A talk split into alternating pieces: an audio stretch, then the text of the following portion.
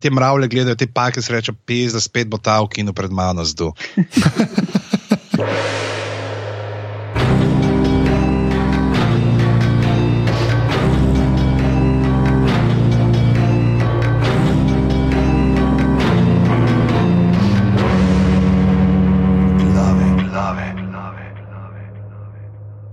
Okay, danes je uh, ponedeljek, uh, 24.10.2016, ura je po moji uri, 22.43.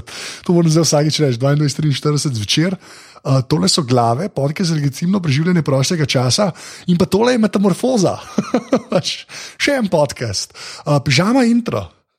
Lepo pozdravljeni v 90. ediciji podcasta Glave, ki je tokrat, uh, kot bi rekli, uh, križan uh, s preobrazbami. Uh, kaj so preobrazbe, uh, boste izvedeli čez nekaj trenutkov, takoj ko vas jaz povabim, da se nam pridružite na izpostavah naših družabnih omrežij, se pravi na aparatus.si uh, na uh, Facebooku, aparatus počrtaj si na Twitterih in pa seveda, da greste na aparatus.si.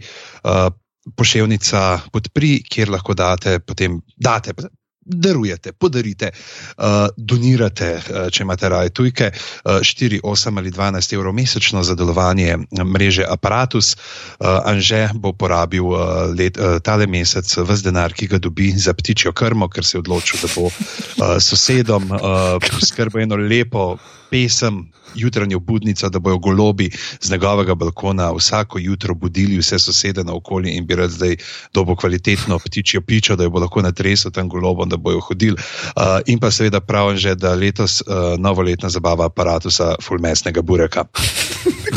Si najdel, to ni mbene, to zato mi dva v privatni life nismo več pogovarjali, to si kar od nekje vzel. Kako to vem, ne? ja, no, ja, ok, ja, ok. To je tudi res. Napovej, napovej še ta drug podcast, da naredijo. Ja, uh, zdaj pa sva, uh, pravzaprav je prišlo povabilo strani teh uh, dveh možakarjev, oba izjemno bolj študirana uh, kot mi dva. Uh, in sicer sta to Matjaš in Roman, uh, ki na uh, metini listi furata uh, metamorfoze. Uh, kaj so metamorfoze? Bosta pa povedala ona dva, jaz pač pomislim na modela, ki se zjutraj zbudi, kot ščurk in pa mu fotor vrže jabolko v hrbet in se jabolk uh, mal. Uh, jabolk zgnije, rana se mu zagnoji, in pa smo pri Safru. Tako da, uh, Matjaš, pa Roman, beseda je vajna. Uh, hvala. Ja, ja, nisem toliko razmišljal o tem pomenu besede metamorfoza. Ne. Bom kar na kratko povedal, da je metamorfoza podcast o biologiji organizmov, ki, kot se je rekel, domuje na medijskem mreži Metina Lista, na portalu Meta Znanost. Um, pa radi ga predstavimo kot lahkoten pogovor o pivu, in dejansko imamo zdaj tudi pivo odprta, to odprto, to bi pa naj pomenilo, da gre za neko bolj lahkotno predstavitev, mogoče na vides nekih bolj zaguljenih tem, ki jih noben ne mara šole, razen pač taki, kot smo mi dva. Ja. Dobro, da zdaj poveste, da je pivo v igri. Dobro, da zdaj poveste, jaz pa tle zdaj zvada. Dobro, sem oddelal, sem oddelal da imam uno filtrirano union. Očitno, očitno si selektivno bral prvem mailu. Ne? Jaz sem um, obljubil izbrano pivo, če bi se dobili živo. Ja, tako pišem, ne vem, kaj si ti bral. Star. Jaz sem drugačen, jaz sem drugačen na vodi, za nalaž, ker sem odol stresen dan. tako nisem na to fera začel pet. Dej povej, zakaj si imel stresen dan, uh, kako postal trezen dan. Ja, ne, pa če aparatus ni delo, je dve ure, tri, sajt. Zaradi moje gluposti, ampak se je pa rešilo. No. Kdo ni plačal položni? ne, v bistvu sploh, sploh ni, bilo, ja, mislim, ni bilo čisto, no. tako ni važno, domena neki, so vse en, ampak je. je, je Kdo ni plačal položni? oh, ne bom komentiral tega, zdaj dela, glavno, upam. tako da ja, to to. Kaj bomo danes delali? Um, ja, danes bomo imeli tako posebno Halloween oddajo. Um, z Romanom smo si to zamislili nekako tako, da bi da dama gostom, kar sta očitno videla, uh, da izbereta vsak po tri filmske pošasti, Halloweenu, primerno, mi dva pa jih pa potem um, z biološkega stališča pokomentiramo, kar pomeni, da predstavimo poslušalcem nekako, da te pošasti, ki jih vidijo v filmih, sploh niso nujno tako filmske in da imajo tudi precej paralel v realnem življenju pri nas na tem planetu. Ne. Kar je bila zelo fajn premisa. Kar je Mi da sta rekla, mi da sta totalno za te ameriške praznike uvožene, da to narediti.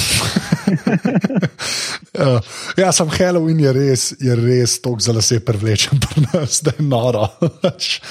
Res je noro. Meni je kul, cool, ker se ljudje zdaj že kar pretvarjajo, kot da to že 50 let vsi gledamo, pač ta praznik, pač to vem, ful dobro. Ampak, ja, je, pa, je pa dober izgovor, za se je pošastilo, to je res. Ker mislim, da za pusta niso toliko pošasti v igri, kot samo kripi, kripi maske in pa kurenti, I guess. Kar je v bistvu kripi maska. Tako pač, to je tam tam. Um, k- kdo bo začel, kako, kako bomo? Um, Te je že, Um, mislim, še- da si ti. Še nekaj bi pripomnil, če lahko. Povej, Um, povej. V, v metamorfozi imamo sicer običaj, ti si že povedal, kdaj to snemamo, An- Anže, ampak mi običajno povemo um, nekaj, kar je poslušalcem všeč in sicer povemo, kdaj snemamo na malo alternativni način ne? in povemo, da to snemamo na, recimo danes je 384. obletnica rojstva Antona Filipa van Leeuwenhoeka, ki je bil uh, nizozemski biolog, ki je naredil pomembne inovacije v razvoju mikroskopa in ga smatramo kot očeta mikrobiologije. Ne. Oh, Um, in potem imamo to, pač, če hoče kdo zvedeti, kdaj točno snemamo, mora iti pogooglati. ne. Jaz se mislim, da v vsaki osnovni šoli nekako tega Levenhuka ven mečejo in okoli tega res ne moramo iti. Ja, se, jaz, jaz sem valjda vedel, kdo je to, tako ni panike. ja. Se je pa na današnji dan, leta 29, zgodil tudi uh, črni četrtek uh, na New Yorkski borzi. No. Super. Okay. To, un model, ki je mikroskop naredil, pa pač mogoče najslabši dan leta 1929, tako nič slabega. Vse, vse baze imamo pokrite, bi rekli. In Američani. leta 46 je kamera na krovu rakete V2, številka 13, uh, napravila prvo fotografijo Zemlje iz vesolja. Okay. Uporabljaš internet, pižama. Torej. To, ja, Walt Disney je pa pričal uh, pred uh, komitejem in zašpecal komunizerje. Okay. Lahko zdaj gremo v podcast. Ja, dajmo. Mislim, da zdaj smo dobro trigonometrirali datum. Ne? Ja, zdaj mislim, da si lahko vejo, ker vsi se spomnimo dneva, ki je Walt Disney izdal komunizerje, tako da panike, to je ta. In dan, ko je zadnjič uh, letel Concorde. lahko nehaš, da se nekaj. Okay. A jaz začnem, ne? Daj. Ja, mogoče lahko začneš, pa predstaviš, uh, iz katerega filma je organizem, pa bo pa mi pa prevzela, če se strinjaš. Okay. Podcast. Uh, ja, mislim, organizem ali pa pošast. Ja. Uh, jaz bom vzel um, um, zadevo iz uh, filma Alien, ne vem kako se zadevi reče. Aha, aha. Sam prosim, brez spoilerjev. Ja, to je pač, čak, samo res, da je, to se pravi, to je uh, 1979 je Alien. Ja. ne? Tako je. Ja. Ja, to je res old, old school. Ne? In je pač uh, tam noter ta monstrum, oziroma kaj xenomorf, ne? ali kako se Ja. temu po, Vseeno pomeni tuj. Ne? A to je to, to je vse, kar je, kaj, kaj kseno, mor, tuj morf je to ali kaj. Ja, tujek. A, wow, jaz sem je malo manj kul, cool, kot sem mislil, da je po pravici povedan. Zato, ker ima X v imenu, pa je zmeraj bolj se sliši sci-fi, tako sci-fi. Ampak, okay. uh, ja, in je ta, ta stvar, ki. Po mojem se vsi nekako zapomnijo po tizmu, da ko odpre usta, pride ven jezik, ima še ena usta. Ne? Mislim, da to je ta glaven, uh, glaven, kako bi rekel. To, to, bi, to bi si alien dal na Tinder, no, to hočem reči. Pač, kot, pač, če bi se mogel z nečem pač ven vaditi, mislim, da bi se s tem ven vadil. Ne? In pa z tisto uh, brutalno lobanjo, uh, pač Ja. spredi. Ne? Oglašuješ, čem se boš žvalil. Ja, v bistvu, ja, to, če, če se navežemo na nekaj, kar mislim, da nismo snemali še, ampak ok. Ja, Ta dvojna čeljust je zanimiva zadeva. Poznamo jo iz sveta rib, pri pri morenah jo vidimo in v bistvu pri nas deluje tako, da imamo v ustih mišice, ki upravljajo nalogo, da ti lahko požreš hrano oziroma pogoltneš. No, pri ribah pa tega ni tako, nimajo tako narejen, ampak imajo tako narejen, da ima zunanje čeljusti, pa ima pa globje v ustih še ene čeljusti, ki jih stegne, zato da takrat, ko zagrab plen, da ga potegnejo proti žrelu in ga lahko pogoltnejo. Kaj pomeni jih stegne, kaj, kaj, kaj to pomeni? Komu ne notranje, kaj se dejansko malo ven premakne? ali kaj? Identično kot pri Alienu. A ja, dejansko se tako, gre naprej ali kaj? Naprej gre sam, da ne gre čist ven. Um, obstajajo tudi dobri YouTube videi, lahko damo v zapiske. Ja, to si kar zacahen, bomo dal valjda noter. Čak sem, čak, ampak, okay, to se pravi, skaj ste, ste, ste gremo te- v nare- narekovaje, zdaj delam s to glavno čeljustjo. Uno pač odpre, pa zagrab plen, pa, pa ta notranjega, pa še enkrat prime, pa ga not potegne. Točno tako je. Zato, ker kaj nimajo gotanca in potem je evolucija rekla, ja, zakaj pa ne bi imeli dvojnih ust. Ja, ona pač nima recimo tazga jezika, kot imamo mi. a Ne, ke, če pomisliš, kako požreš hrano, je, da, da primaš, pa odgrizneš, pa pa z jezikom nekako probaš nazaj spraviti. ne. No, one pač tega nimajo, imajo pač tako rešen, da imajo eno tako manjšo koščeno, rečemo koščeno čeljust, pripeto na mišice, ki potegnejo nazaj tisto, recimo, rakovico. No, kaj, to pa res, to mislim. Jaz sem mislil, a pa ni tako, da recimo, vem, tudi morski psi imajo tako ene par vrst, a veš, zopa, ni taka Samo forma. oni imajo, kuj, morski zobe jih imajo direkt, enega ob drugim. Ne, in zobje se stalno ven rastejo, razraščajo, ne izpodrivajo, medtem ko tukaj imaš pa čist na, neki, na nekem drugem organu. Ne, pravzaprav dejansko, kako bi ti, zdaj, že, kako bi te to na sliku si plastično predstavljal. Recimo, da si narediš luknjo skozi želodec, ne, Okay. a, daš roko noter in si jo vtakneš skozi gov, in potem v rokah imaš neke klešče, ne, s katerimi ti primaš to hrano in si jo potegneš not, da ti ne uide, recimo golob z balkona, ki si ga privabo s tisto pičo, ki si jo tresel cel november gor in potem ga lahko poješ brez skrbi, da bi ti ušel skozi usta ven, da bi ti zletel, ker ga pač držiš za kremple z unimi kleščami. Čist preprosto. Ne? Ja, a lahko ne sem nehamo širiti zdaj nekaj govorice, da jaz golobe lovim. Prosim, to mi je preveč ujert, ker nima veze z mano. Ampak ja, aha, zdaj sem šel pa googlat tole, to pa bizarno zgleda. Ja. Drugač, uh, s temi morskimi zubmi, uh, zubmi morskih psov se bomo še mal vrn, vrnili nazaj. Tako da, pižama, prosim, če ne prehitevaš, ker mi boš eno tretjino mojega materiala pokradil. Okay. Zdaj sem sam Tomiču pojasnil, pač, kako stvari delujejo. Ja. A pa je še kaj tasga na Alienu, tako da bi človek lahko potegnil iz, iz gremo temu reči narave. Recimo, en prizor je, ki se, se sekljajo enega so, so xenomorfa in s tisto kislino predre, prežgejo tisto celico ne, in uidejo, če se prav spomnim iz teh filmov. A je Ja. to v Alienu? Ne? Mislim, no. ja, zdaj, si, ki si rekel, sem je full familiar slišal, zelo da se čez bruke delava, ampak gremo reči. Ja. Ampak ti verjameva, ti Ja, verjameva. ti Ja, verjamem, doktor super. Marko povedal. Ja, in tako bomo od Mareta dobili spet kaj narobe. tako da. No, recimo, to kislino se uporablja tudi pri eh, kopanju v kosti, eni taki črvi.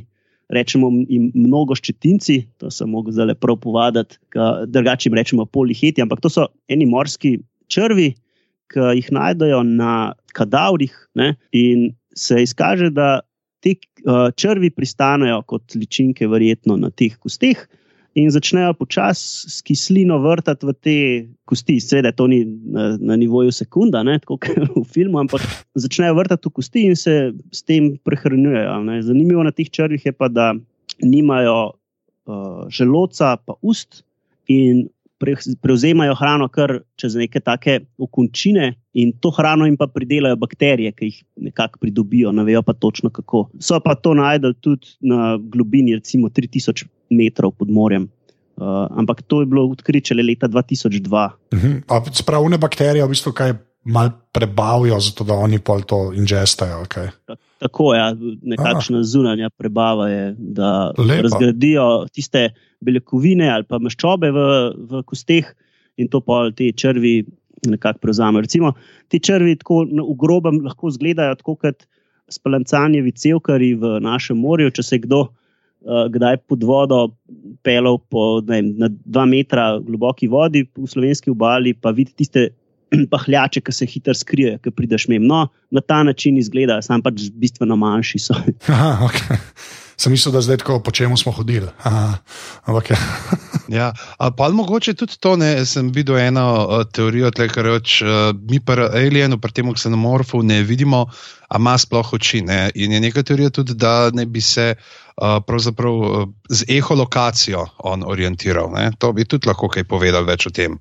Ja, eholokacija je v bistvu zaznavanje okolja s pomočjo zvoka. Najbolj, verjetno najbolj znan primer so netopiri, ki oddajajo zvok in pol poslušajo odmev. Ne, na podlagi hitrosti odmeva lahko sklepajo na oddaljenost nekaterih predmetov, potem pa lahko oni s frekvenco nekako izostrijo, bom rekel, vid v narekovajih, da lahko, recimo, če letijo na odprtem, lahko z relativno nizko frekvenco zaznavajo, kje so predmeti, ki morajo pa leteti čez eno lino, recimo iz jame ali pa skozi crkveno lino v zvoniku, uh, pa na zelo visoko frekvenco, da pa lahko zelo točno določi, kje je uh, nek, nek objekt ali pa luknja ali kaj takega. Se pravi, tista šala, ki se ne topir vrne domov in je v skrval okolusti in reče: Kaj je bilo, hej, vidiš šum drevo? Ja, jaz ga nisem. Se pravi, ne zdrži uh, testa resničnosti. Um, v bistvu delno zdrži, ne, ker uh, to je dejansko neke vrste vid. Ne, netopirji si zapomnijo nek prostor, v katerem dnevno letajo, tako kot si ga mi. Ne, tako, se ti zbudiš po noči in greš na VC, ti ni treba nujno vklopiti luči. Ne in tudi netopiri izletavajo, recimo, kar na, na slepo, doskrat. In če bi jim ti, recimo, okno zaprl, ki je vedno odprto, bi se zabili not. Ja, ampak jaz sem pa, sem gledal od BBC-ja, um, to so zdaj ta moja referenca. od BBC-ja Live, se mi zdi, ali Planet Earth, ne, Caves, epizodo, ne, se pravi, Jamah. So tam neki netopiri, ki grejo, vsi, ki grejo ven, grejo zmeraj levo, zato se ne zadanejo. In grejo vsi tako levo. To se mi zdi fascinantno. Pač da, ne, da unike not prihajajo, pa tako, da ne grejo vsak po svojem, ampak tako grejo ven in grejo zmerno levo. To jaz nisem vedel, je pa smiselno. ja, mislim, meni tudi make sense. No, to, to sem gledal. To je drugač ful za gledati, ta Planet Earth od BBC-ja. Je bila tako ta prva stvar, ki sem jo jaz v Full HD-ju videl v življenju. Mm. In ti zelo možgane, ki vidiš te posnetke. Pač. Zdaj bo dvojko naredil, je že posneta, mislim, da bo zdaj enkrat začela ven hoditi. Že spet David Attenborough, ne vem, 120, kako je model, zdaj že star, še kar narera z unim glasom to karibsko, po moje. Jaz sem eno znanko, ki je tudi pač, ki je slepa in je tudi na neke te tečaje hodila. Ne? Dejansko pač zdaj tudi uh, imaš neke te treninge, da se lahko pomagaš tudi sam. Pa da ima ona reka, da so, ko smo se enkrat bežno pogovarjali, da z žvižgi potem uh, testiraš ta odboj. Ja, sem se hotel pošaliti na tečaj eholokacije, pa očitno res. ja. ja, jaz tudi nisem vedel, da ampak ja, fair enough, tako je lepa. Pižans, da imaš pa ti ta drugega. Ja, čaki, ja, moramo ne? pogledati mogoče še, kaj pa ta njegov eh, reproduktivni cikl. A veš, ki pride ne, te facehuggerji pa chestbusteri. Ja, to je v naravi bolj pogosto, kot bi si mislili, da odlagajo jajčeca ali pa ličinke v druge organizme, kjer se pol izvalijo oziroma dosežejo nek stadij. Uh, recimo, najezdniki so zelo znani po tem, da odlagajo s takim dolgim hm, ovipozitorjem. um, to je leglica po slovensko. Leglica. Najezdniki so pa osene. ah, detalji. Ja, to so take osice, uh, ki imajo zelo dolg, bom rekel, ni želo, ne, ampak um, taka naprava za odlaganje jajčec je narejena tako dolga, zato, da lahko pridajo na posebna mesta. Recimo, eni odlagajo zelo globoko pod les, eni pa recimo morajo priti čez dolge ščetine gosenic. No, in tiste, ki imajo dosti kratke ščetine, jih lahko te osice prebodajo in v njih odložijo jajčeca. Ta, te se tam zvalijo, se začnejo razvijati in počasi gloda notranjost tiste gosenice, in gosenica lahko že med medtem, ko se ki, recimo, živi, ali pa potem, ko se zabubi, jo nekako do konca poje, tista osica v njej preobrazi, metamorfizira. metamorfira. to je ta strokovni izraz. Ja, in izleti kot neka nova, pač kot nek, neka nova osica in nadaljuje svoj življenjski krok. Tako da tisti prizor, kako se mu reče, John Hurt moment, ko mu v prvem delu iz trebuha izleti mali alienček, oziroma ksenomorf, ne, tisto je zelo blizu realnosti. Ja, ne mi to govoriti. ja. Ker smo ravno omenili uh, gosence, zdaj sem ravno bral, nek, ne, da so zdaj pogruntali, da dejansko metulji ohranijo spomine gosenic, da kao nekaj je bila raziskava. Ne, ste to zasledili, da pač kljub temu, ne, da se. Ki je gosenca, ki se zabubi, ki se vse spremeni noter ne, v neko to župco, kar koli bi ti smo rekli. Ne, da, potem, ja, da potem vseeno uh, metul ohrani določene spomine. Pač zaradi tega, ker vseeno ne, celice, ki so služile uh, nečemu, potem tudi kot uh, ko se preobrazijo metulja, še vedno služijo istemu namenu, ne, potem tem celičnem spominu. Sem, mislim, ne, no, meni že sama to. Uh, Ideja tega, ne gosenice, ki se pa zabupi in da se vse utekočini, in potem iz tega nastane novo bitje. Tako malo Kaj si evolucija mislila, da se je spomnila na tako prefuknjeno stvar? Um, no, ko je ravno Halloween, pa preden zaključimo s ksenomorfom, um, da še malo podkurimo pod Anžetovo ritijo. Um, te ličinke, ki jih te najezniške ose izležejo na žrtve, pa to je vrsta žuželjk in pajkov, ki, ki se jim to zgodi. Ne? Te ličinke dejansko žrejo pri živem telesu. Ne? Doskrat so samo paralizirani, se pravi, se ne morejo pre, premakniti, so pa živi in te ličinke najprej jedo organe, ki niso vitalni, in čist na koncu potem ta vitalne oh. organe. Ja, tako da tukaj ni čist tako vse na ključno, ampak je zelo previdno, ne kirurško celo. Pač imaš te mravlje, zombije, ki se jim uh, tudi paraziti naselijo možgane, ne, in potem jih pač tako vodijo, kao, da grejo čim više, ne, in uh, da se potem raztresajo te trosi. Ne, in da bodo tudi mravlje, polka opazijo, da se je enemu od njih to zgodilo, da ga pol stran spravijo, ne, da se ne bi razširilo na njihovo mravlišče. Ja, to dela dosti parazitov, pa raje zdaj ne bom novih primerov omenjal, ker smo že tako dolgi, se mi zdi. no, pa pa pojmo Henmo, ki ni tako parazit kot plenilec. Ne? Naš uh, naslednji uh, kolega, ki ga bomo uh, omenjali, je seveda predator. Ne? Mimo njega ne moremo, preden um, lahko. Sam nekaj povemo. Ne? Uh, Predator je v prvem filmu, igra Kevin Peter Hall, uh, model najprej sem hotel, da ga Jean-Claude Van Damme igra, kot bo on, ki je malo bolj graceful, ne, malo bolj eleganten kot uh, Švarci, ne, prišel s temi svojimi raznožkami in špagami, uh, ga tam harat po džungli, ampak so bolj pogledali, da ne paše noter in so 2,20 m visokega modela. Uh, pantomimika izbrali za to, pri čemer je zanimivo, to, ne, da ta tip uh, je, se pravi, Kevin Peter Hall je uh, igral tudi uh, Bigfoota, Jetija v filmu Harry and the Hendersons. Ne. Tako da imamo na eni strani wow. najbolj eno tako prijazno bitje, ne, na drugi strani pa najbolj profesionalnega morilca vseh časov. Lepa, to pa nisem vedel, da je on iz Harry and the Hendersons. Ampak ja, predator pa kaj, antropomorfno bitje. Uh, Ki je pravzaprav uh, čisto prilagojeno uh, lovu, eh, ima uh, tudi določene tehnološke uh, pripomočke, ki mu pomagajo pri tem. Mislim, da kar najbolj izstopa je pa ni ta uh, njegova ta džiza frizura. Uh, zadredana, ampak predvsem mislim, da ta usta, ki se tako lepo odpirajo, kot unije igrice, ki smo se jih s papirja delali. Ja, ta usta so res taka, kot če gledaš film, ti friz skočijo. Ne, ampak um, jaz sem jih v bistvu kar malo preskočil, zato ker so tako, kot spominjajo, ko se ena mešanca marsikaterih ust in obustnega aparata pri, ži, pri živalih, ne, od, od želve hlastovke do kakih insektov. Um, na mestu tega sem si raje izpisal lastnosti, ki so bile bolj ključne v filmih za lov predatorja. To so tri, ne, to je nevidnost, ta njihov IR e vid in zelena kri mogoče, pa bom šel kar po vrsti. Zdaj, prosojnost v namene, v namene kamuflaže je ful pogosta v živalskem svetu. Ne. To najdemo pri ogromno morskih živalih, recimo meduzah, morskih kumarah, sipah, obotnicah, rakih, ribah, ne. pa tudi na kopnem pri žabah in žuželjkah. Recimo. Uporabljajo pa to za.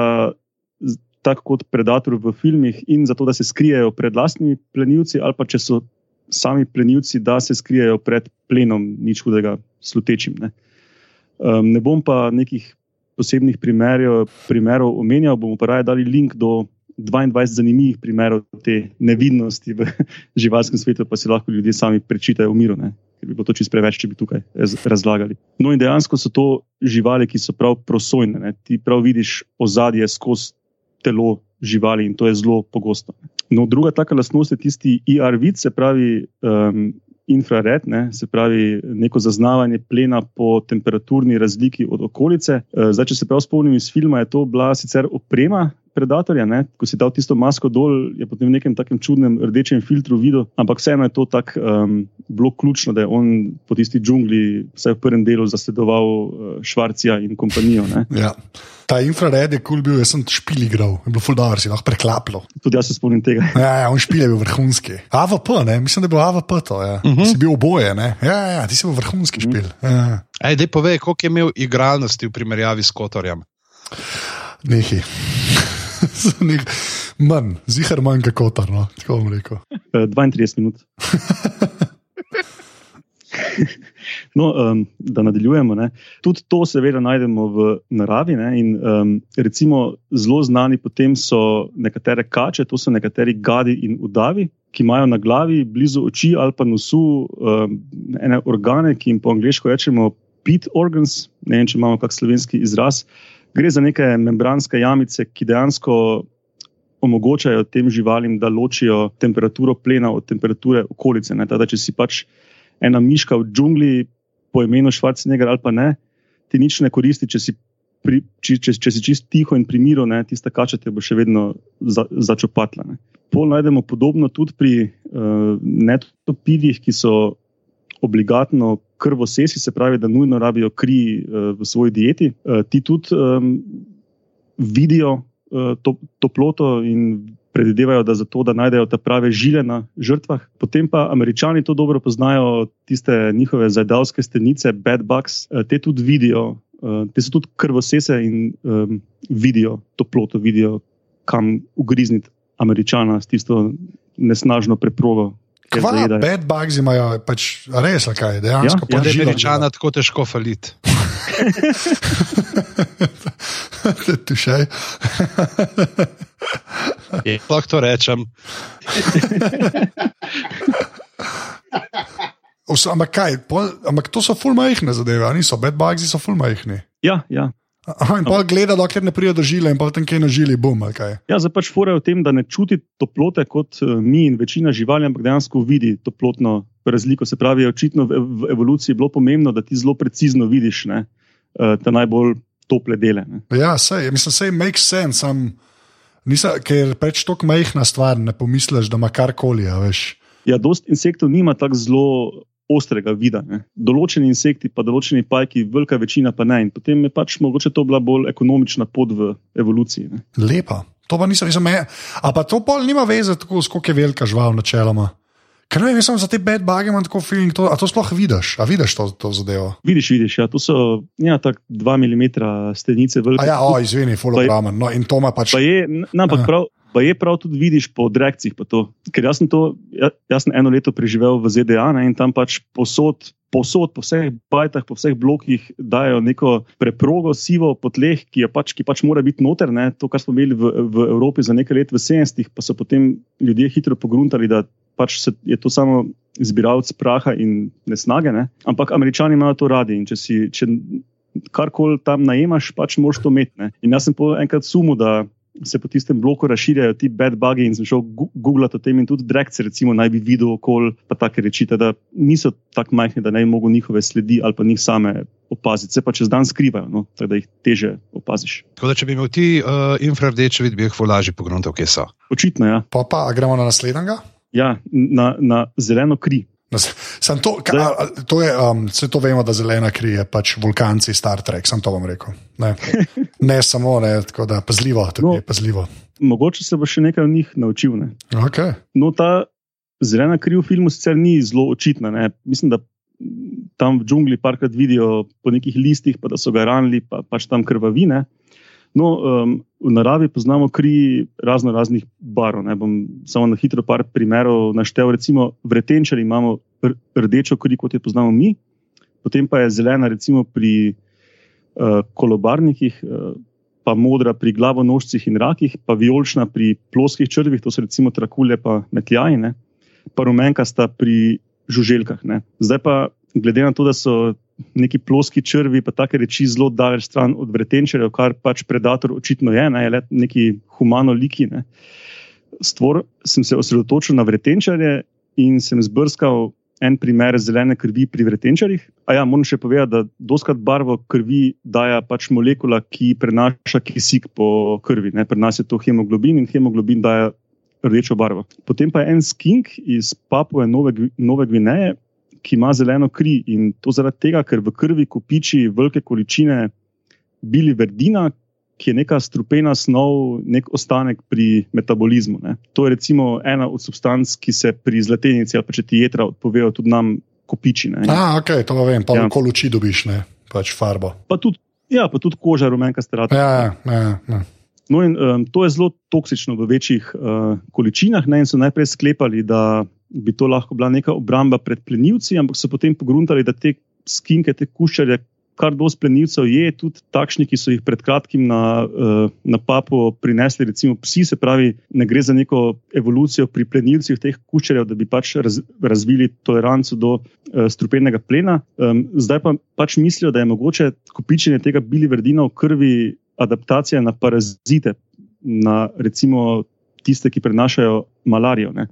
Teda sem se potem hitro spomnil, glede na to, da je predator pač prišlek na planetu Zemlja, ne, da je pa mogoče to kakšna substanca kot adaptacija na naše parazite, da lažje preživi in nas polovi.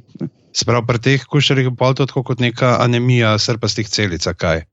Mogoče je šlo nekako v, v tej smeri, ja, da pač um, pri nekih predniških oblikah je to bilo v malih količinah sicer strupeno, ampak je dalo neko prednost pred, zaradi mogoče velike količine parazitov ne, in se pač potem to počasi fi, fiksira v populaciji. Ja. Mm. A, vidim pa kvas, da sem še jaz pa malo brsko, da to pri mehkušcih, ne, tudi ko se jih prej omenil, je pa zelena barva uh, krvi, zato se na bakar veže kisik. Modra. Modra, kaj tepi že hemocianin. Ja, da je Žan Sfolgolfada spadal, da ve. Zele, ja, zelena kri prav copper-based system of transporting oxygen in blood found in many mollusks and arthropods. Jaz sem sicer bral, da hemocianin daje modro barvo, ampak tudi jaz nisem o tem strokovnjak. Ne se možno pa, da, ta, veš, to, da imamo ta green blood, da je to še ta, ta stara, uh, starogrška variantica, neka sta bila zelena pa modra iste barve. Aha, vidiš, vidiš. no ja, to je to, jaz sem izčrpal. Okay. Super. Um, Anže? Ja, una, un, un, un, ki se obleče v človeka v Mad Black. pač uh, je moj, uh, mislim, da je Edgar, je, ne, no, to sem si prej napisal. Edgar the Bug. Ja, Edgar the Bug. Melo to pač ful dobro, ker je bilo to prvič, da, da sem. Mal bolj verjel neki taki bolj kompleksni maski, gremo temu reči, no, v filmu. Jaz takrat nisem več videl, da bi bil to CGI ali pa lutka, no, veš, kaj mislim. Se, mis, mislim, da je bil CGI to. Sej, sej, ampak tako hočem reči, da prvič sem kupil to. Brez da bi rekel, da je to računalnik. Veš, kaj mislim, tako dejansko prvič, ja, da sem, ja. sem mal verjel. No, zato, zato imam to uh, Men in Black in njega pač v zelo lepem spominu. Pač. Ja, ta Edgar je zanimiv stvar.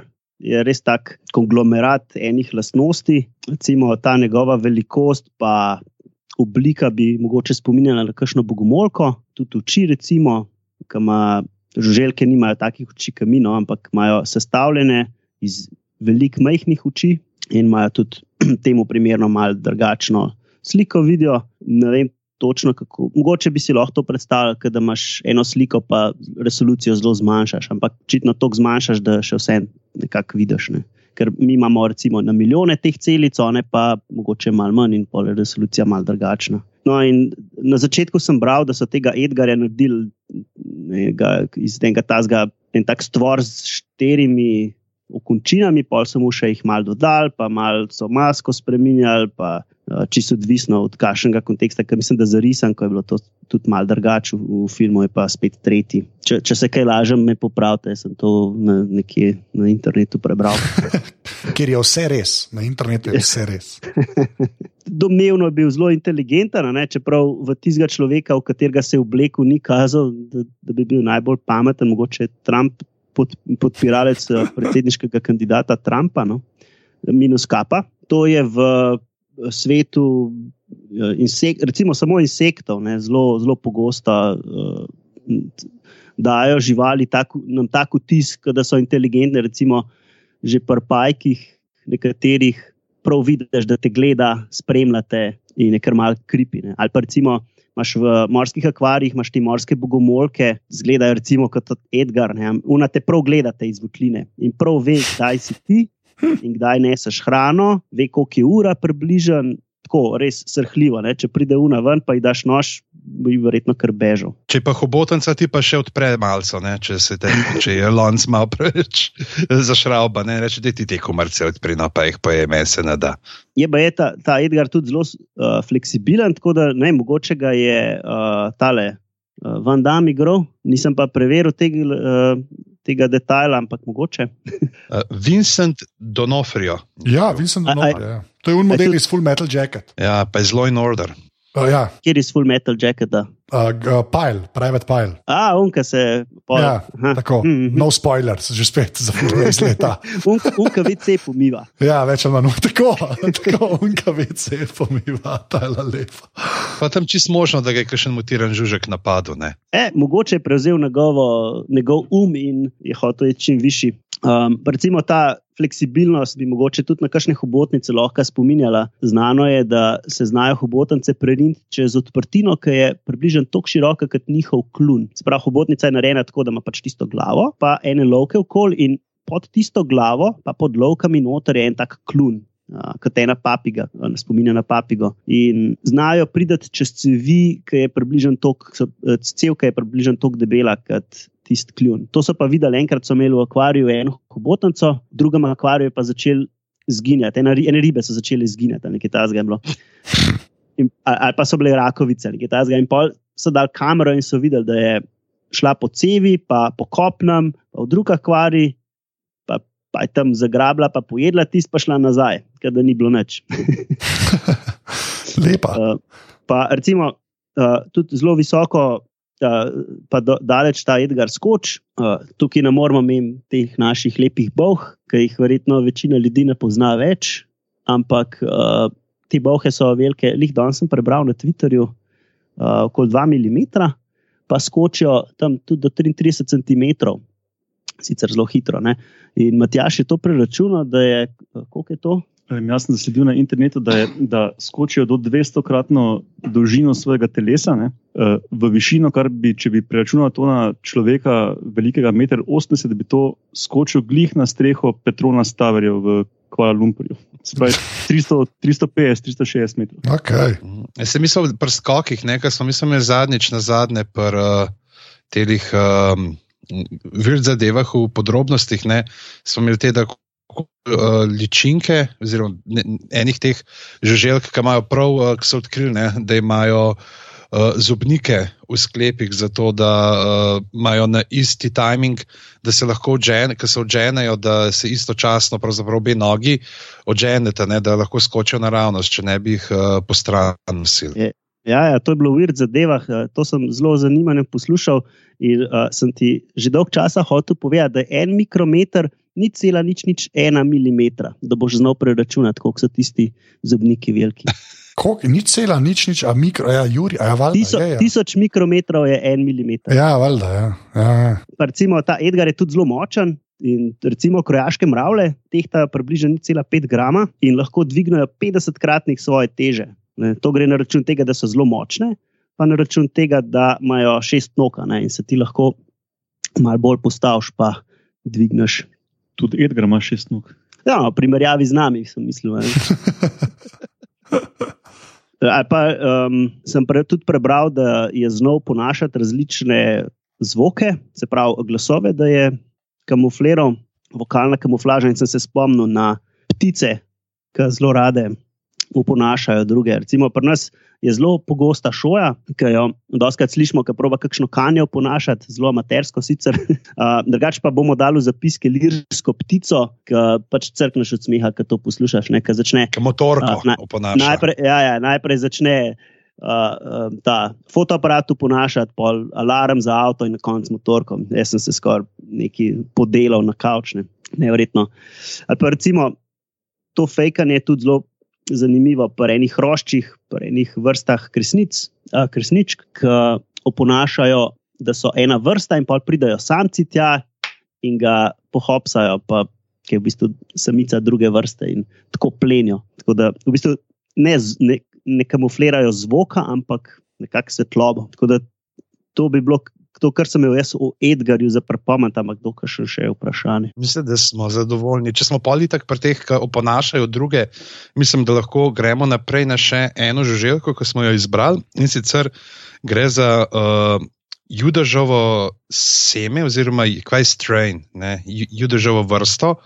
Uh, ki iz filma Mimik, uh, Guillermo del Toro, leta 97, ena nora, mračnjaška pripoved, ki se dogaja uh, v predorih Newyorške podzemne železnice.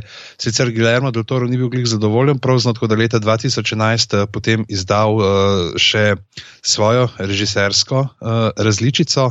Nad katero je bil zadovoljen. Uh, se pa dogaja pravzaprav uh, v New Yorku, ko uh, so ščurki začnejo prenašati neko bolezen, zaradi katere umirajo otroci. Strickler's disease, pravi, Stricklerjeva bolezen. Uh, in potem ena entomologinja, se pravi. Uh, Znanstvenica, ki se ukvarja z žužki, Susan Tyler, potem z genetskim inženirjem, um, ustvari uh, velike insekte, ki izpuščajo nek encim, uh, zaradi katerih se potem metabolizem, uh, presnova uh, ščurkov pohitri, tako da se stradajo in pocrkajo, in tako uspešno tudi potem to, se te bolezni znebijo.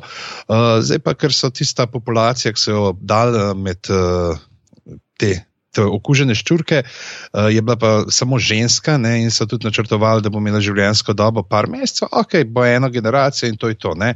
Potem pa čez tri leta se pa pojavijo taki velikanski ščurki, uh, ki začnejo pobijati ljudi in ki so dejansko uh, se tok. Uh, spremenili, ne, so to mimikrijo zaobvladali, da so, ko jih odeleč pogledaš, izgledajo kot nek človek, ki nosi držni plašč. Ne, in potem razkrijejo tisto, ki so kot neke pač pokrove za krila.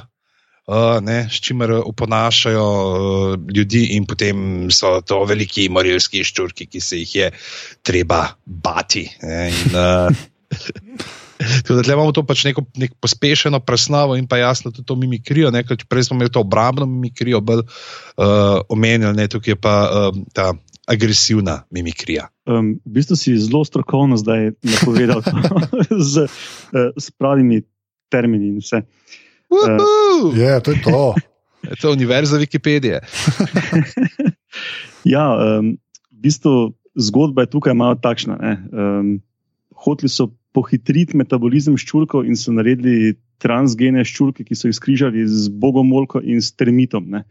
pač, um, zato, da zgledajo grozne in imajo tiste lovilne noge, bogomolk. Jaz sem ta film pogledal včeraj kot uh, pripravo na ta podcast in me je to malo motilo, da sem rekel, ah, ta morfologija je brez veze, to bom kar preskočil in bom šel raje na to mimikrijo, ki si jo omenil, pižama. Uh mhm. -huh. Teda, ja, to je, kot si rekel, obrambna mimikrija bi, bi bila to, da, da te zamenja nekdo za nek, ali, ali da se zliješ z okoljem, ali pa da te zamenja za nek, za nek predmet, ki je ne nevaren, ali je to kamen ali list ali kaj takšnega. Ne?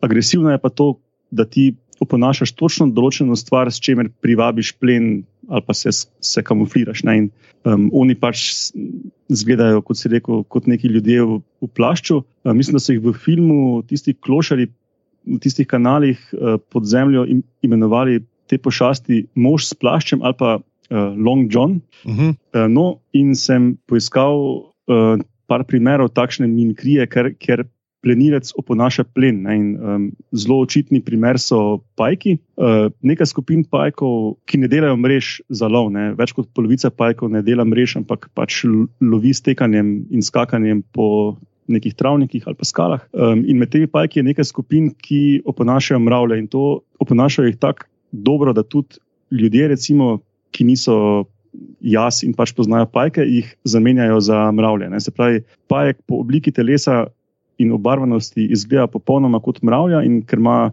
Osem nog, mravlja pa šest, drži prve pare nog naprej in jih maha kot neke antene, in tudi mravlje ga ne prepoznajo. Ne in potem pač pride dovolj blizu in jih požre. Tada, to je na moč podobno tem ščurkastim, bogomolkastim stvorom ne, iz uh, mimika.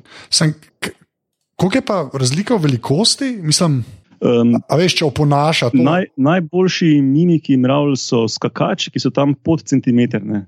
Um, Zgleda kot jaz, pa malo večja verzija mravlje. Pač. Recimo, recimo ja. Aha, lepa, uh, in, tudi, okay. in tudi pri nas imamo tri vrste. Te, te mravlje gledajo, te pake se reče, pes, da spet bo ta v kinu pred mano zdu. Potem pa poje. ja. Sreč, ok, to, da nisem videl filma, niti ni bilo tako bed. Eh, no, eh, takšna mimikrija, ker obliko in obarvanost telesa posnemajo živali, je sicer precej redka, ne? bolj pogosto je, da oponašajo nek drug signal. Ne? Ro, Roman je že enega ukradel, se pravi, kresničke, vsi poznamo te hroške, ki svetijo, pač kot signalizirajo samci in samice en drugemu, kje so, in imamo več vrst. In pač določene vrste samic opona, uh, oponašajo samice druge vrste, in potem, ko pač seksa željni samci priletijo do njih, jih požrejo. Um, in podobno delajo tudi škržatki, samo da pač na mesto, da bi svetli, pojejo z lažnim signalom in privabijo pač nič hudega sluteče samce. Či, okay, to je te narava, se temu reče. Okay.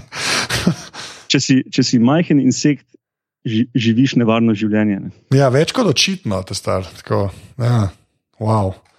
Uh, imamo še kaj kle? Ali? Ja, ja. Uh, okay. še ena zanimivost. Um, Zdaj, pižama je že nastavil zgodbo tega filma. Se pravi, naredili so neke transgene ščurke, ki so bili samo samice. Sicer ni bilo v filmu bilo prikazano, da pač tiste ščurke spustijo in tiste ščurke so spuščali neke, neko, neke penaste encime, ki so jih žrli okuženi ščurki in potem je pač to vse pocrkalo. Ne? Ampak um, verjetno so mislili, da bi tudi se parli ali kaj takšnega. Ne vem, kaj pa vsi pocrkali na koncu zaradi teh encimov. Kakorkoli tudi ta genska modifikacija in spuščanje samo enega spola v naravo ima zelo dobesedno paralelo v našem življenju. Jurski park.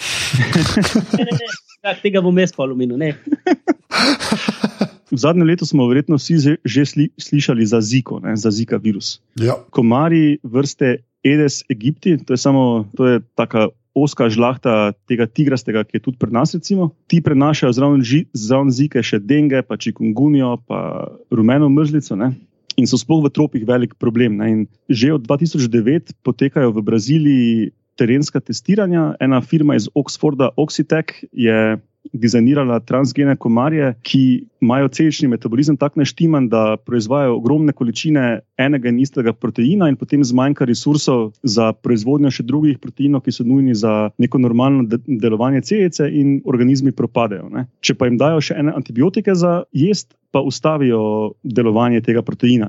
Um, tako da na, na ta način jih v laboratoriju vzgajajo, naredili so samo samce, jih spuščajo na neka določena mesta v Braziliji, ti samci se parijo z samicami in potem ličinke komarjev, ki pač ne jejo tega antibiotika, ker ga v naravi ni, umrejo še pred izleganjem. Tako da uh, vsem poslušalcem priporočam, da čez tri leta ne hodijo več v Brazilijo. A kaj, tri leta si najdel? Pa... Ja, pardon. Um, Ti ščurki v filmu so po treh letih mutirali v te velike stvore. to sem čakal. Tek se jih omenil, okstek za vse naše poslušalce s folijo na glavah, koliko so zlobni oni od, na lestvici od Skynet do Monsanto. ja, tu zdaj moramo malo bolj resno povedati, da um, to ima toliko, pač ta filmska genska manipulacija, ne, ker rata en, en veliki stvor, mešan s ščurka, bogomolke, pa termita je približno ima toliko z resničnostjo kot tisti starejši ameriški filmi, ker ne vem, nekdo pade v neko. V, radio, v, v čeber neke radioaktivne snovi in potem dobi neke, neke super močine. to je v bistvu, oni so v bistvu te komarje izdelali z idejo, da da seveda pač po eni generaciji umrejo in zato ne vnašajo v okolje trajno nekih genetskih sprememb, ki so jih ustvarili v laboratoriju. Ne? Če bi oni ustvarili neke gensko spremenjene komarje in jih spustili v, v naravo, ki bi se parili, ne? bi potem trajno vnesel v naravo neke genske spremembe iz laboratorija, na ta način pa se naj to ne bi zgodilo. Ne? Hočeš reči, afrikanizirane morilske čebele? no, hkrati je pa seveda tam v teh deželah, kjer je dejansko ogromen procent ljudi um, živi za naše razmere v revščini. Ne? Oni dejansko se ne morejo za, zaščititi pred temi komarji, in tudi neka škropiva niso preveč učinkovita. Tako da um, je to sorazmerno dobra rešitev. No, s to gensko manipulacijo so, tudi, so se tudi v Jurskem parku igrali in vsi vemo, kako se je končala zadeva. ja, epsko. ja. Ampak, da se če smo pri teh ne, spremembah spola, pa dejansko zdaj glej, kaj se vidi, da ta Wikipedija, ko govorijo o teh agresivnih mimikri, ki imaš te uh, ribe, kako se ti anglerfish, po, anglerfish ponašajo, te imajo te lučke uh, gor. A, te, ki so full globok. Ja, ja, s to Oh, bioluminescenco. V glavnem, oni so tudi neke vrste teh rib, so take, da če samc full časa ne najde samice za razplot, se sam spremeni v samico. Je pa sprememba spolov pogosta pri ribah. Ja. Je pa drugače pri teh anglerfish tak, da, so, da imajo velikostni spolni dimorfizem. Ne? Če smo uh -huh. že Mhm. pri njih, se pravi, da je samc dost manjši od samice in samci živijo kot neki majhni parazitki, prisesani na kožo samice in se z njo hranijo in pač parijo. In jih je tudi po več prisesanih na eno samico. A ni tako, da dejansko se celo pa čist noter, uh, kar malo, tako da je bilo malo porozno, da malo se stopijo zno, da pol sem tiste jajca njihova po nej visijo še. Uh, pižama si ti zihar, da nisi biolog? E, ne, dejansko sem imel v teh ribah, sem imel šalo, ne, pač kako se pa ta riba, ne to je bilo še pred leti, uh, kako ta, se te ribe potem začnejo, ne samci, če na srečo se sami spremeniti špegli, v samice. Ne, pa sem rekel, tako da zdaj ne vem, so te moje joški zaradi tega, ker to kjem ali je kaj drugega krivo. O, ali pa Monsanto. Ali pa bom santo, evo, to je to. Super. Ok, pa imam pa jaz eh, ta najbolj weird, ta moj ta zadnji. The Creature from the Black Lagoon, ne, uh, ki je, uh, zdaj sem šel prvo pa letnico gledati, 1954 in je res epska, pač epski kostum je. ne. Uh, predvsem je pa fulu všeč, ker so se iz tega norca delali tudi v The A-Team. Ne, to je še en ta trivia, ki ga jaz imam, ker dejansko sem pred kratkim že spet gledal A-Team in je Un Hannibal v bistvu v Hollywoodu igra tega uh, podobnega. No? Tam mislim, da je malce fejkan ta kričer uh, from the Black Lagoon, ne? ga kao on igra. No? Ampak to je pa ta, v bistvu, to je eden prvih takih, po mojem, ful znanih teh monstrumov. Ni tako, da, da je malo zavest pršel ali ne, ali se ful motim. Prvi amfibni zihar. Ja, prvi, amf- ja, ampak tako, veš, da se mi zdi, da folk ve, kva je to. No? Če ti rečeš Creature from the Black Lagoon, se mi zdi, da se vsi nekako predstavljajo, kaj točno je to. No? Da ni tako samo neka taka anonimni, pač gremo ti mu reči skoraj žaba, to mislim, da bomo zdaj izvedeli, eh, kam točno spada. Riba z ustnicami. Eh, To imaš prav. Ja. Jaz ga sicer nisem gledal do pred dvema dnevoma, pa sem vseeno vedel za film. Sem ga imel nekako na lagerju že več let, pa nikoli nisem zbral te energije, da bi ga pogledal. Pa sem v bistvu ful užival ob, ob gledanju. In sem ga tudi gledal tako malo kot dokumentarec. Ne, um, pa bi zdaj razložil, okay. zakaj. Spravi, celo zgodbo, v, pač le- leta 54, to me je impresioniralo, so celo zgodbo zastavili kot iz, iz plati prehoda na kopno, ki je v biologiji dolgo bil um, taka neka, tako neko zanimivo vprašanje, kako so živali pač eh, prvič prešle iz, iz morja na kopno. Ne. In um, so pač v filmu to zgodbo nastavili, kot da je to mogoče nek ostanek, neka slepa veja iz Devona. Povedal, kdaj je to bilo, in, in da se je pač to tam nekje ločeno razvijalo, in pač to noben ni našel. Ne. Dejansko je prehod na kopno potekal nekje v Silurju ali Devonu, kar je pred okoli 440 do 360 milijoni let. Jaz sem pa zgolj mislil, da je to tam pri Bristolu. ja, de, jaz sem, ja, okay. No, okvirno takrat, ne, rečemo pred več kot 400 milijoni let, je pač potekala hitra evolucija prednikov vseh današnjih tetrapodov, vseh današnjih četveronožcev. Se pravi, to smo sesalci, ptiči, plazivci, dvoživke, vse to. Ne. No, ti ribam podobni predniki vseh četveronožcev imajo tako zelo podobne organizme, ribam podobne še danes, oziroma so ribe, no, ribe pljučarice, ki imajo tako zelo dober skelet, pa tako mesnate noge, okostenele, dobro lobanjo, pa tako nič kaj podobne običajnim ribam. Ne? In imajo nekaj skupnih lastnosti z tem gilmenom, s tem stvorom iz um, Črne lagune. Ne? Te ribe imajo tako funkcionalna pljuča, kot funkcionalne škrge. Ne? In če gledamo film, recimo on večkrat pride iz vode ven in odpira usta in se vidi, da diha na usta, medtem ko pod vodo pa normalno diha na škrge. Ne? Približno takrat, pred več kot 400 milijoni let, so tudi um, živele ene ribe, plakodermi, ki so bile ful oščitene. Um, in tudi ta gilmen ima te lastnosti, da ima tako močne ščite po celem telesu. Ne. Tako da sem tukaj takoj videl te neke podnarekovaji primitivne lastnosti iz Silurja oziroma Devona, kot so nastavili v tem filmu iz 54. leta in so se pač mogoče, kot so v, v filmu rekli, ohranile pri tem stvoru še do danes. Ne. Meni je ful dobro, ker rečeš silur, pa devon, pa točno veš, kaj to pomeni. Meni se pa to tako sliši, ja, to so te dobe. Mm, yes. Je, ali tvoj prašek tudi silurizira? ja, več ali manj. Ja. To si zapomniš samo pred več kot 400 milijoni let. Ampak kako je pravzaprav sploh, a veš, eh, če že gledamo tudi pol neko to kriptozoologijo, o, koliko je pravzaprav šanse, veš, da v enem takem mini ekosistemu, kot je neka laguna, toliko in toliko časa preživi neko bitje, ki je očitno edini člen svoje populacije. Um, to je zelo verjetno, če je žival majhna. Nesija ni, ne? ali pa Bigfoota, ali pa kaj takšnega. zelo, zelo enostavno je pa iti ven tropski gost, kamor ne gremo doskrat raziskovati, pa najti na tone novih vrst. Ne? In nekatere so pač, ja, pač, če je izumrla večina žlahte, je pač to še edini živeč predstavnik ene stare linije. Recimo, to, to ni tako težko si predstavljati. Ne? Se to v bistvu že, če gremo v hribe, lahko vidimo, kakšne rastline so zelo uh, omejene na nekatere vrhove in so samo tam, že od vem, zadnje poledenitve. Super, to, to smo imeli tudi tam, ker tu veš, v podrobnostih Ja, se zadeva une, uh, žužke, ki sem mislil, da so že izumrli, pa se jih pa najdel tam na nekem sosednjem otoku. So bili tisti orjaški pal, paličnjaki, če se prav spomnimo, nekaj takega. ne? Ja, nekaj tasga. Um, no, potem sem pa še bolj užival, ko je dejansko prišel ta povodni mož v kontakt z ljudmi v tem filmu in je to postal še bolj za mene, še bolj dokumentarec. ne. Namreč ima, ima ta povodni mož, bom razložil, za- zakaj je moški, ima tudi dvoživkarske lastnosti. Ne. Zdaj mislim, da je ta film imel še nekaj. Neka nadaljevanja, ne vem, dva ali tri, ne? in mislim, da ga potem v tistih nadaljevanjih malo bolj antropomorfnega naredijo, ampak jaz se pač ne bom v to spuščal, bom pač povedal, kaj je bilo v tem originalnem filmu. Ne. Na eni točki, ko še ne vejo tisti lju- ljudje na ladji, um, da je ta monstrum živ, ne, oni pač iščejo neke fosile, seboj imajo eno žensko kaj, ki gre plavati. Ne. In ta povodni mož jo iz dna zapazi in plava pod njo, tako prav lepo, gracilno se giba. Še mene, še mene bi zapeljal, če bi bil tam, se mi zdi.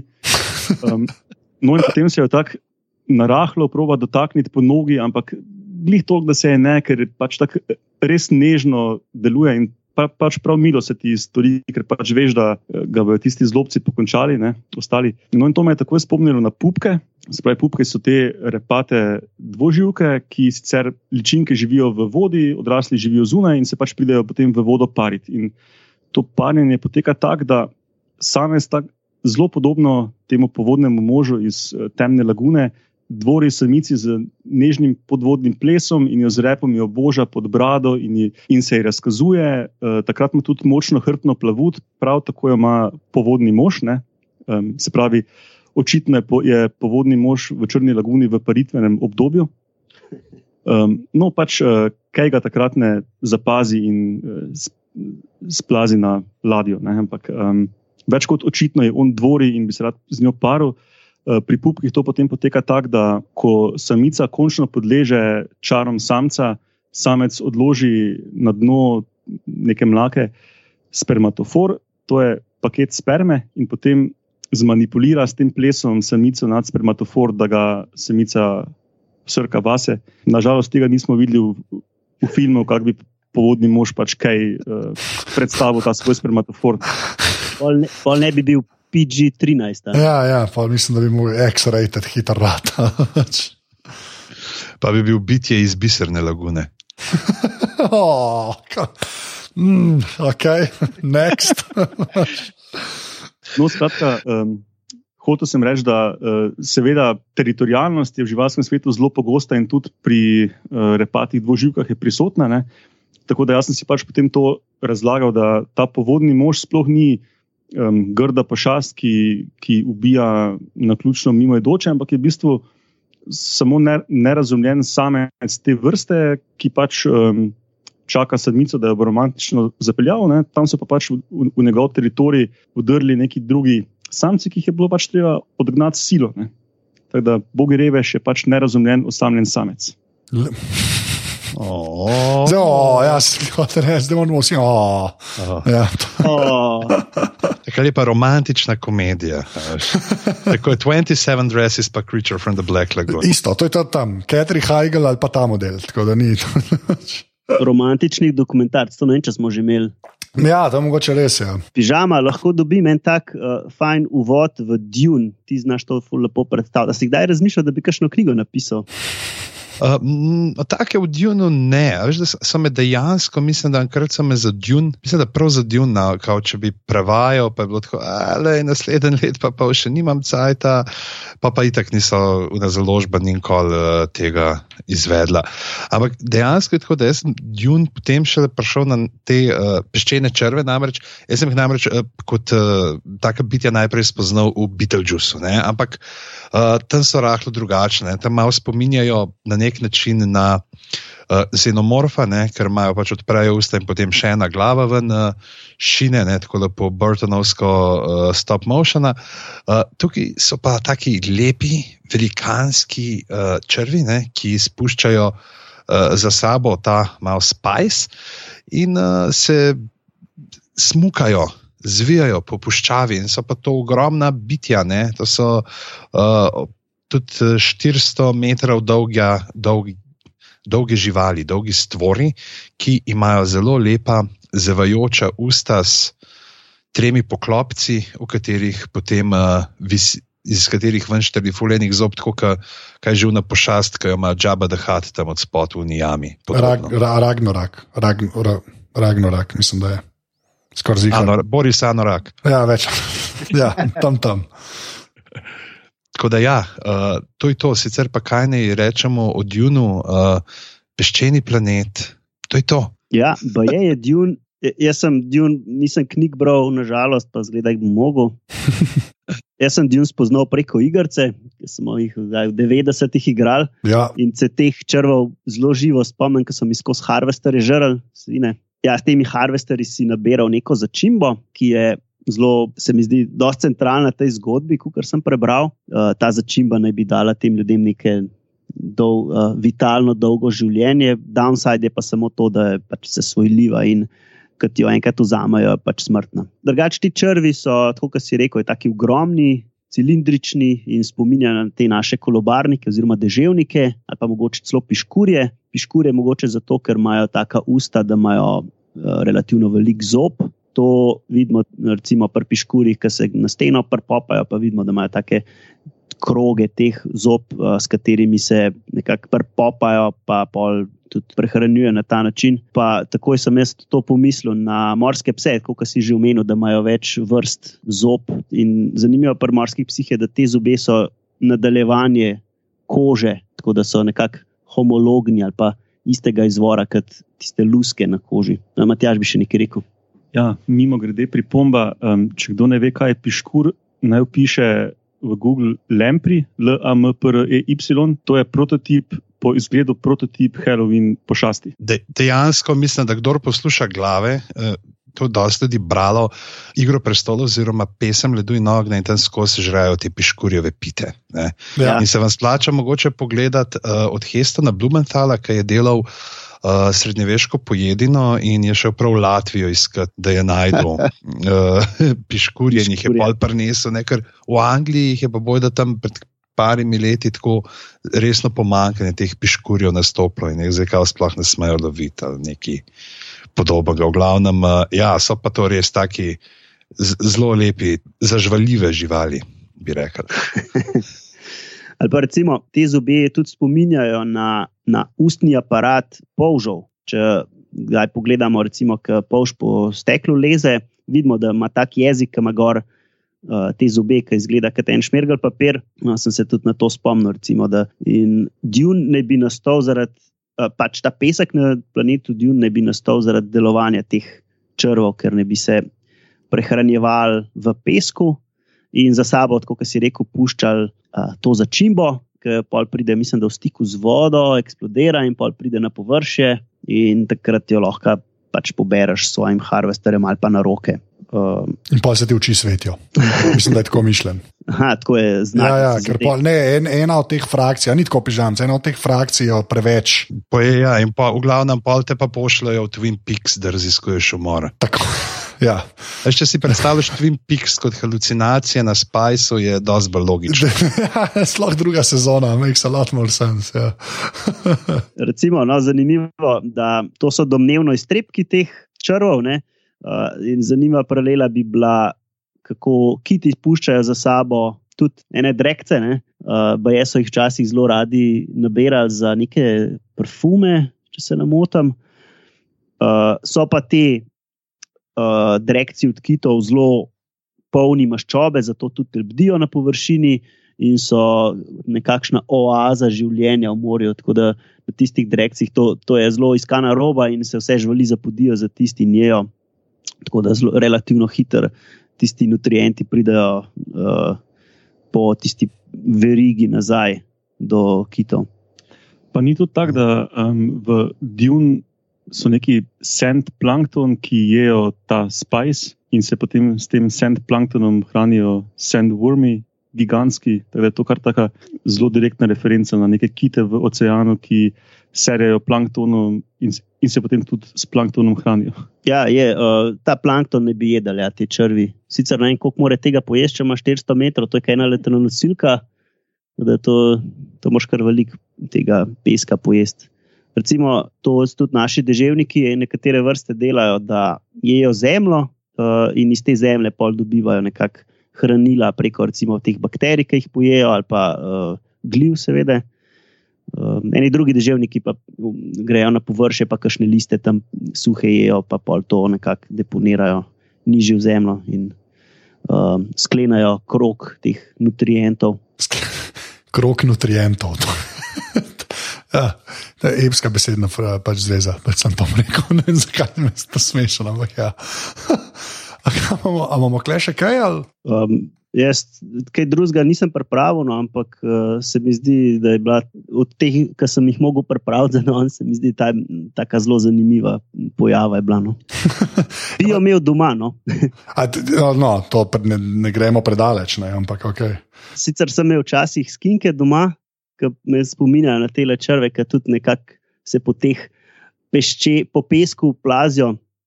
In enkrat se spomnim, sem uh, imel en akvarij, pa skinka noter, pa sem eni uh, sosedi kazal. In liho tista me je pa nekdo potrobil in skočila v lovce. Mislim, da je ne bo- bom mogel jeti, dok se je strašila. Ja.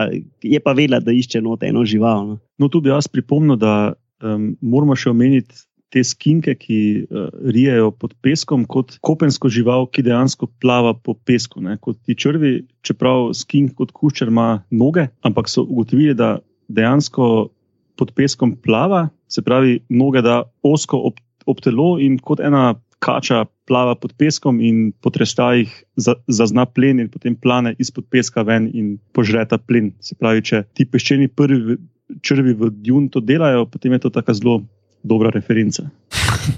Ja, ker to je ta življenje, ki ga hočeš imeti. Vse v Star Warsih je to tudi, na nekaj v asteroidu, ne, je na isto forum, spomnim ga, ki se skrivajo, uh, Leja pa Han Solo. Ne.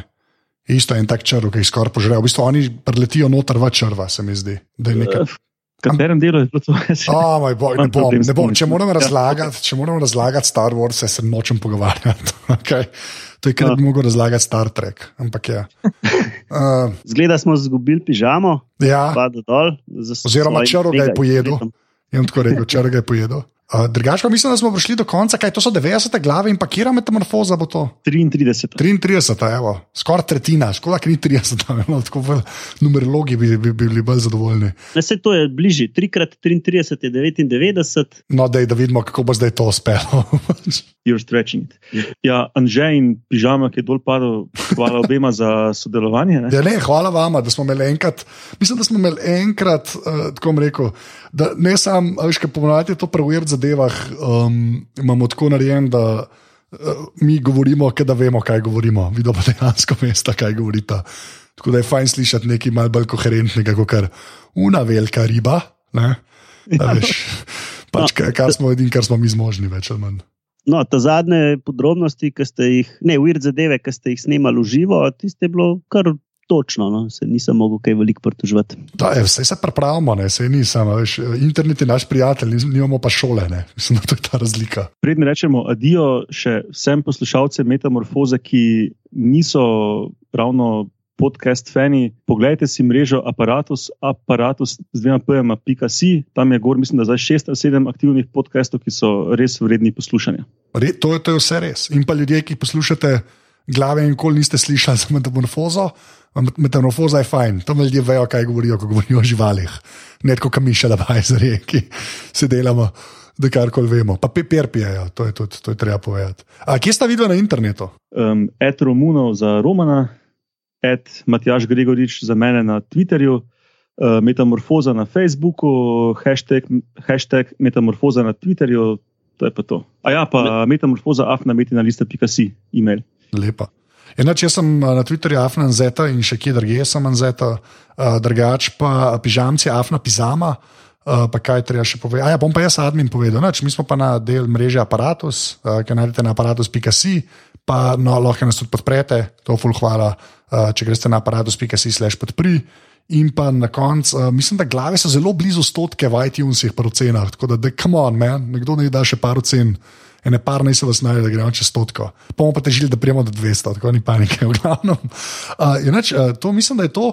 Jaz bom rekel, pač uh, 3-4 zdaj, mi bomo pa rekli, uh, um, devon bomo rekli.